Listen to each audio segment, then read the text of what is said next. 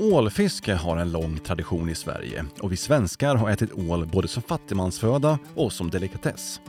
Men den europeiska ålen är också klassad som akut hotad. Ålbeståndet har minskat kraftigt under 1900-talet och i Sverige råder idag ett generellt förbud mot att fiska ål. Det finns ett utbrett problem med tjuvfiske av ål, men samtidigt så sker det även lagligt ålfiske i svenska vatten. Något som många svenskar inte känner till. Omfattningen av det lagliga fisket är begränsad, licenserna är få och restriktionerna hårda. Så vem får fiska ål och varför utfärdas licenser för fiske på en akut hotad art? Och hur ska jag som konsument veta om ålen jag köper är lagligt fiskad? Jag heter Håkan Montelius och du lyssnar på podden Landet, en podd från Landsbygdsnätverket.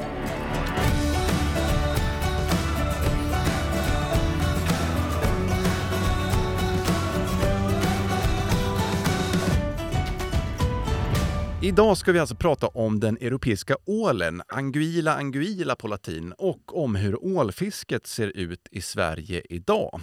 Och med mig för att ge en bild av det svenska ålfisket idag har jag tre gäster. Och först och främst säger jag hej och välkommen till Håkan Wikström, forskare på ål vid Sveriges lantbruksuniversitet, SLU Aqua. Hej Håkan!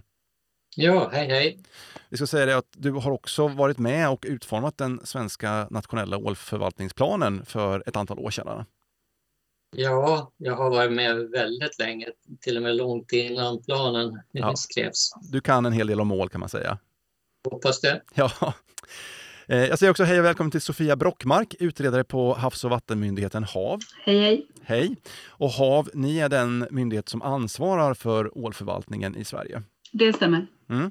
Och sist men inte minst, Mikael Nord, ålfiskare och högstadielärare från Karlshamn. Hej Mikael! Hallå, hallå! Och vi ska säga det att du har fiskat ål kommersiellt i ungefär 15 års tid, men du är i princip uppvuxen med ålfiske. Det stämmer. Jag har hållit på ungefär sedan mina yngre tonår och fiskat. Så att eh, det har blivit en rätt så lång tid här nu. Mm. Varmt välkomna till podden Landet alla tre.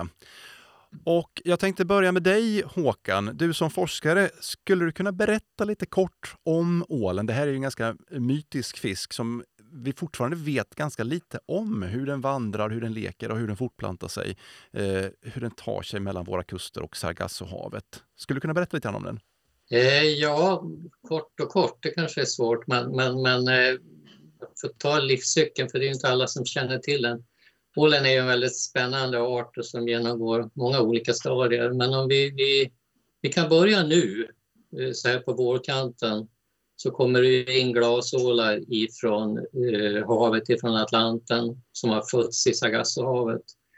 De kommer in nu till våra vatten och när det blir lite varmare i sötvattnet så börjar de vandra upp i olika åar och floder, eh, åar och älvar. Och en, en del vandrar vidare, stannar på kusten och en del vandrar vidare in i Östersjön och upp i Östersjö vattendrag. Sen eh, växer de upp i, i Mälaren till exempel kanske i 17-18 år innan de når blankkolstadiet, alltså de är färdiga, feta nog, stora nog för att vandra tillbaka till Sargassohavet. Och det där gör de oftast på höstkanten och eh, vi tror att de kommer fram på vårvintern nästa år. Och där leker de då på några hundra meters djup i Sargassohavet och sen dör föräldrarna och eh, äggen kläcks till yngel efter några dagar. Och sen transporteras de med strömmarna tillbaks till, till Europa och en liten rännil av hela den här invandringen kommer in norr om Storbritannien och in i Nordsjön och sen in i våra vatten. Och hela den där processen den kan ju ta allt i, i mellan kanske 10 år upp till 20, 25, 30 år beroende på var de hamnar och, och växer upp någonstans. Mm.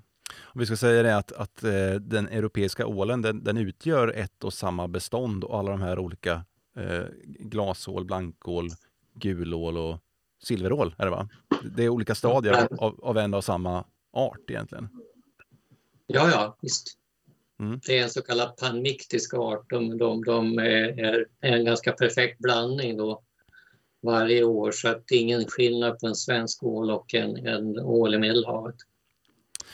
Och Sofia, eh, hur skulle du beskriva, hur ser situationen ut för ålbeståndet i Europa generellt och i Sverige i synnerhet? För ålen är en hotad art.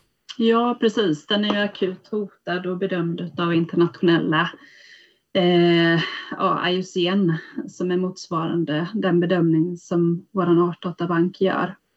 Eh, 90 till 95 procent har försvunnit så att den är ju kvar på en väldigt, den ligger väldigt, på en väldigt låg kritisk nivå mot, jämfört med vad den gjorde då eh, för 45-50 år sedan. Så den största nedgången börjar på 50-60-talet. Mm. Och hur ser det ut i Sverige specifikt? Eh, ja, men I Sverige motsvarar ju den internationella bedömningen så att där ligger, ligger ju eh, beståndssituationen på densamma. Och var finns de, de ålbestånd som finns i Sverige idag? Var, var är de stora bestånden? Ålen har historiskt egentligen funnits i hela landet förutom kanske fjällkedjan, eh, delar av eh, småländska höglandet, alltså där den kan vandra upp. Men även lever den ju, precis som Håkan var inne på, på, på kusten direkt. Um, men sen så har det också satts ut väldigt mycket ål i våra inlandsvatten, så den förekomsten som finns idag i våra inlandsvatten eh, beror till stor del på utsättning. Mm. Och en, en del menar ju att det finns en del positiva tecken på att ålbeståndet är på väg att återhämta sig. Vad säger du om det? Hur ser det ut? Det, kan man ana en vändning? Ja, det kan väl egentligen Håkan kanske svara bättre på så, men glasålsbeståndet ser man ju på vissa ställen även eh, i, eh, ja, i floder i Atlanten eller i Frankrike, Nederländerna, så att det, man sker, ser en tendens till en uppgång. Mm. Men det är ju fortfarande kvar på en väldigt låg nivå. Mm. Men vi bollar över den frågan till Håkan då. Eh, ja, det är som Sofia säger att, att eh, vi har haft en nedåtgående trend sedan kanske ungefär 1980 när det gäller då antalet årliga glasålar som kommer in från Atlanten till Europa. Men eh, år 2011 så bröts den där väldigt negativa trenden och det är ett riktigt så att säga, statistiskt trendbrott. Och sen har det ökat lite grann men inte, ja, det ligger och fladdrar lite grann, men det, det har förändrats, det är ett trendbrott och det tycker vi är väldigt viktigt och, och positivt att det finns. Mm. Och Mikael då, du arbetar ju som, som, som ålfiskare idag på deltid. Kan du berätta lite grann, hur ser din vardag som ålfiskare ut? Eh, som vardag så eh, börjar ju perioden, vår fiskeperiod börjar i maj, 1 maj och slutar den 14 september. Eh, och det är rätt så koncentrerat eh, på månaderna maj, juni och juli. Eh, sen eh, i och med att vi fiskar mycket gulål så avtar det i och med temperaturen i vattnet. Eh, det blir lite kallare under hösttiden där. Så att eh, vårt fiske blir ju lite sämre eh, då när de andra stora fiskarna efter blankål startar igång. Eh, Annars ser en dag ut så att man kör ut och, och vittjar sina ryssjor. Eh, mycket av individerna som vi får eh, får vi sätta tillbaka nu i och med att eh, de här måtten på ålen har ju höjts till 70 centimeter så att eh, det är en jättestor del av, av eh, fångsten som sätts tillbaka igen. Och då är ju ryssjan ett bra, bra redskap där. Du, vilken betydelse har ålfisket för dig? Eh, dels eh, ekonomiskt är det ju en, en bra eh, tillgång. Vi har haft det under många år som sommarjobb. Men eh, det är väl mest en, eh, inte bara en ekonomisk grej utan en eh, livsstil. Att, att, att kunna fortsätta en sån sak som ens morföräldrar höll på med då. Mm. Det här är något som har gått i arv i, i generationer i din familj? Ja, eh, på morfars sida så eh, var de eh, fiskare på Gö borta i Ronneby då. Man har väl lite det i blodet så. Va? Vi har varit många gånger nu de sista åren när det har blivit mer regelverk kring fisket så har vi varit nästan så att vi har gett upp. Men eh, vi har gett oss eh, den på att vi liksom ska fortsätta detta och inte ge upp fisket. Va? Men eh, det har varit många gånger där vi har haft eh, diskussioner både med hav och och eh, med forskare och sånt eh, där vi känner liksom att, att eh, kanske inte folk hör på en riktigt så va? men eh, vi ser ju en, en, eh, en positiv trend för att det är mycket småålar, små individer i, i fångsterna. Va? Så att eh, vi tycker att vi ser en, en eh, vi har inte sett en försämring i alla fall när det gäller små individer.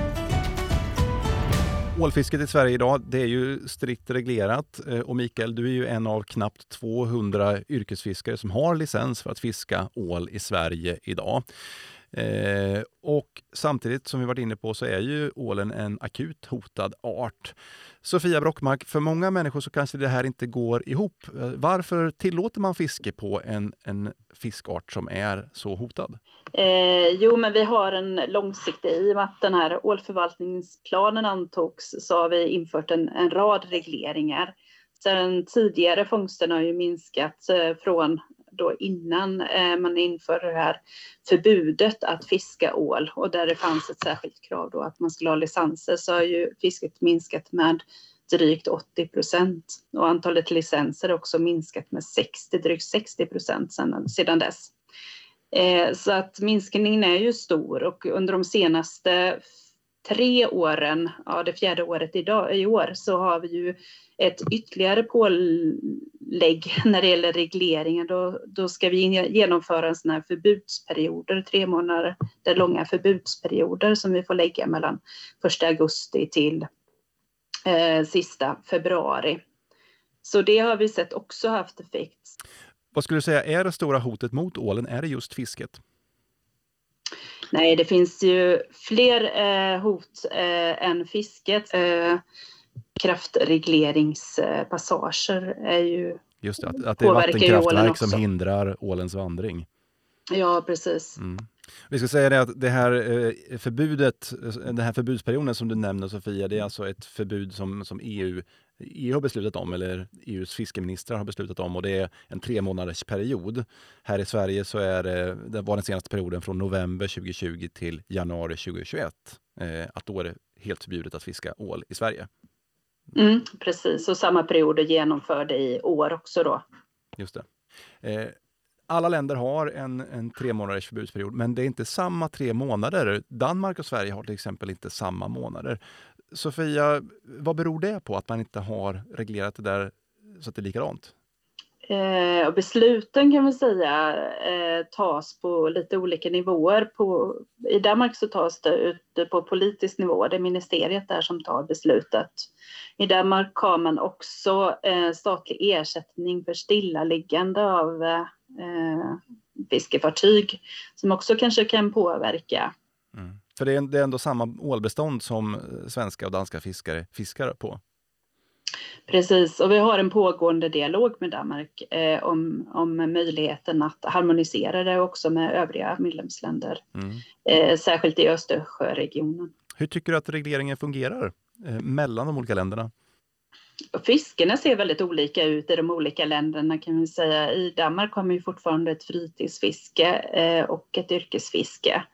Eh, så, sen så är det ju i många av de andra Östersjöländerna så har man mycket inlandsfiske, eh, fiske, i inlandsvatten, inte lika mycket kustfiske som Sverige har. Så att fiskarna skiljer sig åt, eh, men sammantaget så fiskar ju vi på den ålen som då vandrar ut jämfört med länder som till exempel Storbritannien och Frankrike som fiskar mycket på det, den ålen som kommer, eh, glasålen, alltså de här tidiga ålynglarna. Mikael, du är som sagt en av ganska få fiskare i Sverige som har tillstånd för att fiska ål. Eh, vad är det för licens och tillstånd som du behöver för att få bedriva lagligt ålfiske? Ja, det är dels eh, det här tillståndet eh, för att bedriva ålfiske. Sen är det ju ett eh, fartygstillstånd där båten ska vara inregistrerad och man har köpt till ton och kilowatt. Ehm, sen är det ju dessutom då måste jag kunna koppla mina fisken till ett arrende då va där jag antingen hyr eller att jag äger fiskerätten själv i det här området. Då, ja. Det är väl det. Eh, sen är det väl eh, lite andra saker om man till exempel ska transportera ålen så behöver man väl något transporttillstånd. Det har jag inte, dock inte gjort mm. än då va? eftersom de hämtar ålen. Då är, är, är köparen där som transportera där. Ja. Och förutom att det är förbudsperiod och att du behöver olika sorters tillstånd så är det också regelbundna kontroller som utförs på er ålfiskare. Och det är Kustbevakningen ja, då? Som... Eh, där vi ska ringa in eh, två timmar innan där eh, de ska komma ner och kontrollera så att eh, ja, det är rätt eh, storlek på ålen och så. Va? Mm. Eh, dock har det väl inte skett så ofta, men, men eh, kustbevakningen har vi väl blivit eh, kontrollerade av några gånger. Men eh, jag ser väl inga problem egentligen med det. Det enda är väl att, att man är, är rädd att, att man eh, på något sätt eh, har missat en centimeter på ålen och då får en sanktionsavgift som kanske inte står i proportion till ålens värde. Mm. Det är väl det det som är rädslan egentligen som är stressen. Så, va?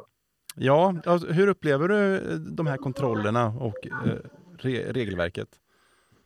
Nej, men alltså, kontroller tycker jag om på det sättet, men, men eh, just det att eh, kontrollen ibland så, så eh, vi har ju varit på HaV många gånger och jag tycker ändå att de har lyssnat på oss då när det gäller det illegala fisket. Vi, jag vet inte hur många gånger vi har ringt och anmält eh, saker som, som sker i vårt område där, där de fiskar eh, illegal ål. Då, va? Och, Eh, där de, de som fiskar illegalt inte kräver då att de har något fartygstillstånd. De, de klarar sig från alla de här eh, utgifterna som vi andra har. Va? Mm. Eh, men men eh, jag tycker ändå HaV har tagit tag i det. De har gjort mycket beslag. Va? Men det, tog några år eh, för när Kustbevakningen eh, utförde de mesta kontrollerna då till havs där va? så hände det inte så mycket. Men Nej, vi ska säga det att för, för drygt ett halvår sedan, under 2020, så rapporterade Kustbevakningen om ganska stora beslag av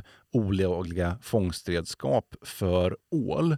Eh, och det finns ett, ett tjuvfiske. Hur, hur upplever du det, Mikael? Är det här ett stort problem?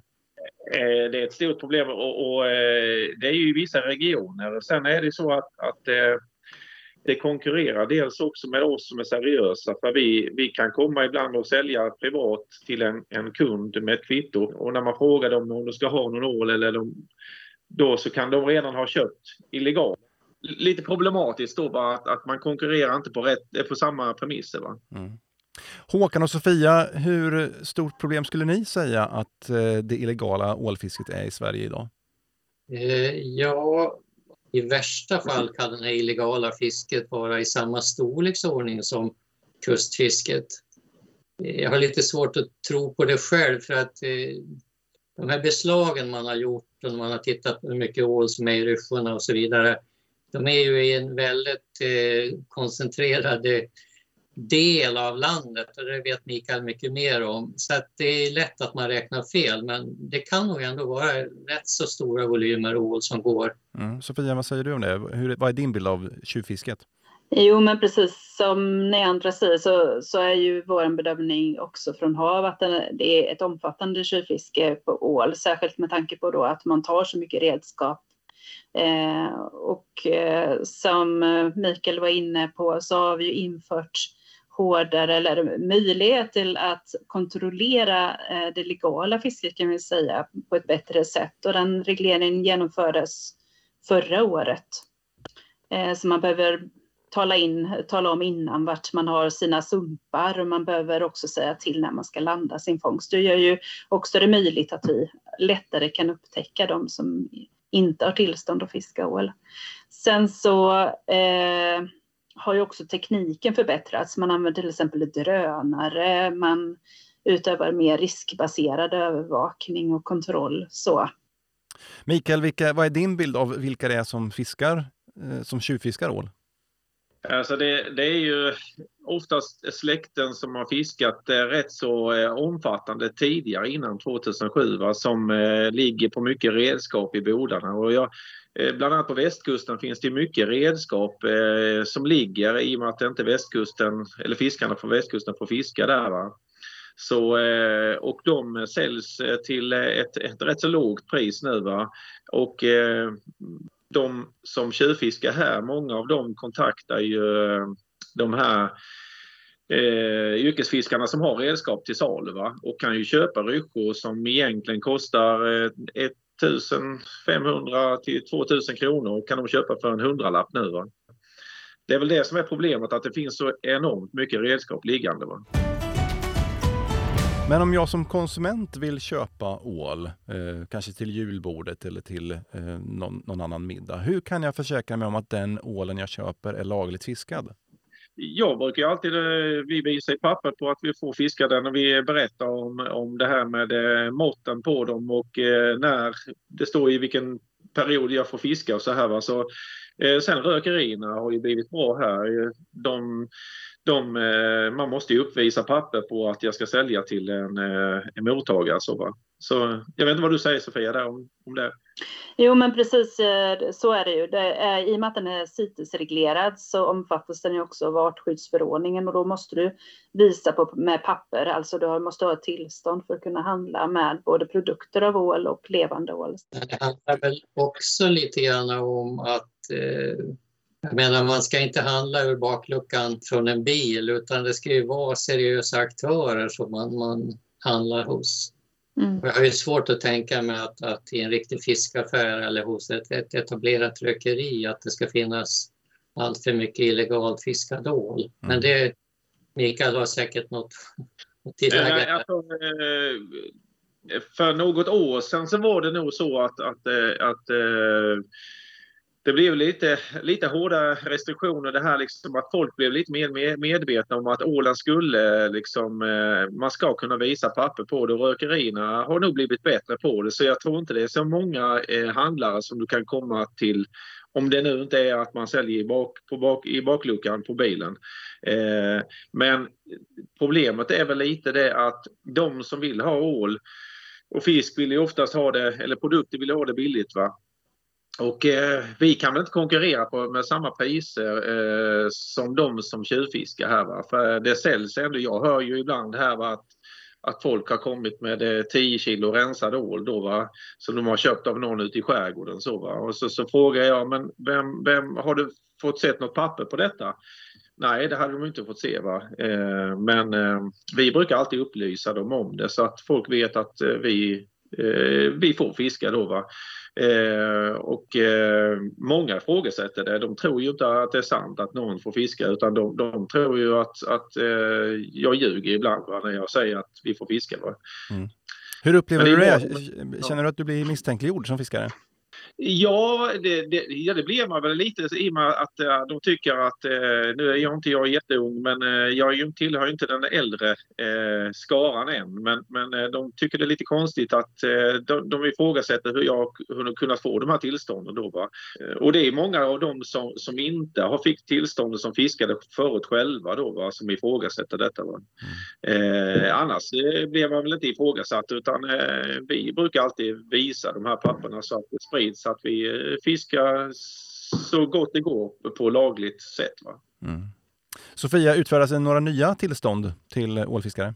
Nej, utan det omprövas varje år så att det är inga nya utan de som haft tillstånd har möjlighet att få tillstånd även nästa år då, om de då också har fiskat föregående år. Mm. Betyder det att antalet ålfiskare på sikt kommer minska? Ja, det, det, gör det ju och det gör det ju redan idag och åldern blir ju högre och högre eller medelåldern för de som har tillstånden är högre. Sofia, hur mycket ål fiskas i Sverige idag om vi tittar till den totala mängden? Ja, vi delar upp det på inlandsvatten och eh, kustvatten eh, i Sverige. Så inlandsvatten ligger ungefär och legat ganska jämnt, ungefär på 100 ton. I kustvatten ligger det på 85 ton de senaste åren. 140 ton 2017-2018. Mm. Man bedömer ju att det är en ganska liten del av det totala beståndet. Mm. Kan man inte odla ål istället för att fånga vild? Eh, jo, kanske inte istället för, men, men visst, ålodling det är ju en stor grej i Europa, eller i världen ska jag säga.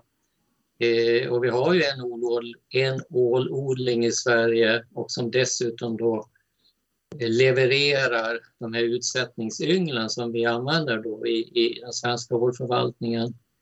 Men det blir ju ganska kostsamt att, att odla upp ål till säga, de storlekar som man normalt, eh, som marknaden, den svenska marknaden vill ha, alltså uppemot någonstans mellan ett halvt och ett kilo. Men jag menar, det är ju fullt möjligt, visst.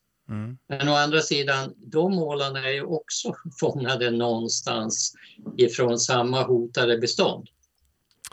Förutom ålutsättning så görs det ju idag en rad andra insatser för att trygga ålens fortlevnad. Eh, till exempel Krafttag ål, där flera stora energiföretag deltar och som bland annat handlar om att etablera trygga vandringsvägar för ålen förbi just vattenkraftverk. Eh, Håkan Wikström, vad ser du mer för åtgärder som skulle kunna påverka ålbeståndet positivt på sikt? Eh, ja, det är naturligtvis att göra allt vi kan för att minska då de dödligheter som vi kommer åt.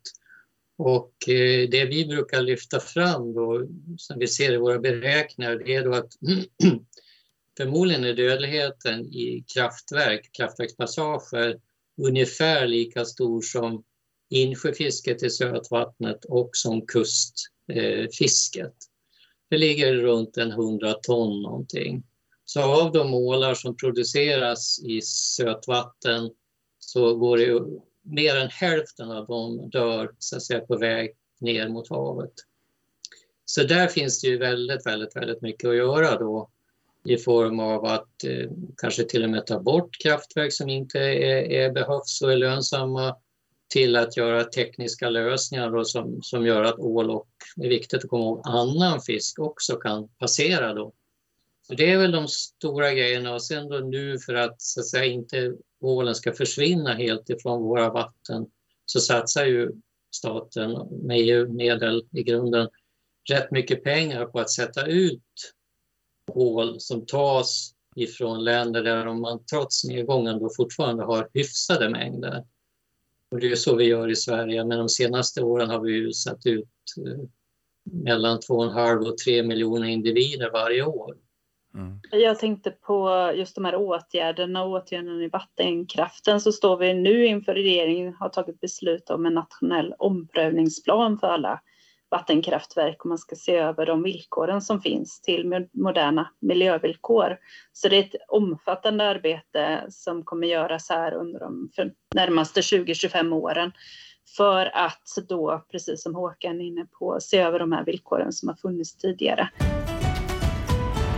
Om ni blickar in i framtiden var och en av er, hur ser framtiden ut för ålen, skulle du säga, utifrån ditt perspektiv? Om vi börjar med dig Håkan. Eh, ja, alltså vi tycker ju att det är väldigt, väldigt positivt det trendbrottet i, i rekrytering. Alltså att det börjar komma in åtminstone lite, lite, lite mera glasålar ifrån Sargassohavet till, till Europa och till Sverige. Så det visar i alla fall att det är möjligt, det, det, går att ändra i en positiv riktning. Och sen då som vi flera har varit inne på så är det här med vattenkraften då att, att eh, där finns det ju väldigt mycket att göra för att förbättra överlevnaden på väg ner. Mm. Sofia, vad säger du? Eh, jag tror vi fortsatt måste arbeta utifrån en internationellt perspektiv för att ta om hand hela ålfrågan och fortsätta genomföra de här ålförvaltningsplanerna på ett bra sätt inom EU och eh, arbeta brett också inom andra konventioner som konventionen för migrerande arter och så vidare och få, få in andra länder utanför EU i det arbetet. Mm. Och Mikael avslutningsvis, vad säger du om framtiden för ålen? Jag hoppas på ett, ett fortsatt fiske och att mina barn kan få eh, ta över lite av verksamheten och eh, eh, när det gäller fisket så tror jag det är så här att, eh, eller jag vet att det är så att eh, i och med att, att kåren är äldre och det inte beviljas några nya tillstånd så, så blir det väl bättre för ålen när det gäller fisket. Mm. Men du hoppas på en framtid för ålfisket? Ja, jag hoppas det, för jag, jag, tycker det är viktigt för att man också skulle kunna eh, ha... Eh, det är ju en, en, en, studie också man får när man ser hur mycket fångst är också. Det är ett viktigt underlag också för, för forskarna med ju. Att, att det är någon som fiskar med ju. Mikael Nord, ålfiskare i Karlshamn. Stort tack för att du var med i podden Landet. Tack så Jag säger också tack till Sofia Brockmark på HAV och Håkan Wikström på SLU. Stort tack er båda två. Tackar. Tack så mycket. Det var allt för idag, men vill du lära dig mer om ål så kan jag passa på att tipsa om den Augustprisbelönade boken Ålevangeliet av Patrik Svensson. En riktigt härlig läsupplevelse. Podden Landet produceras av Landsbygdsnätverket. Redaktör för dagens avsnitt var Ingrid Whitelock. Jag heter Håkan Montelius och jag säger tack till dig som har lyssnat.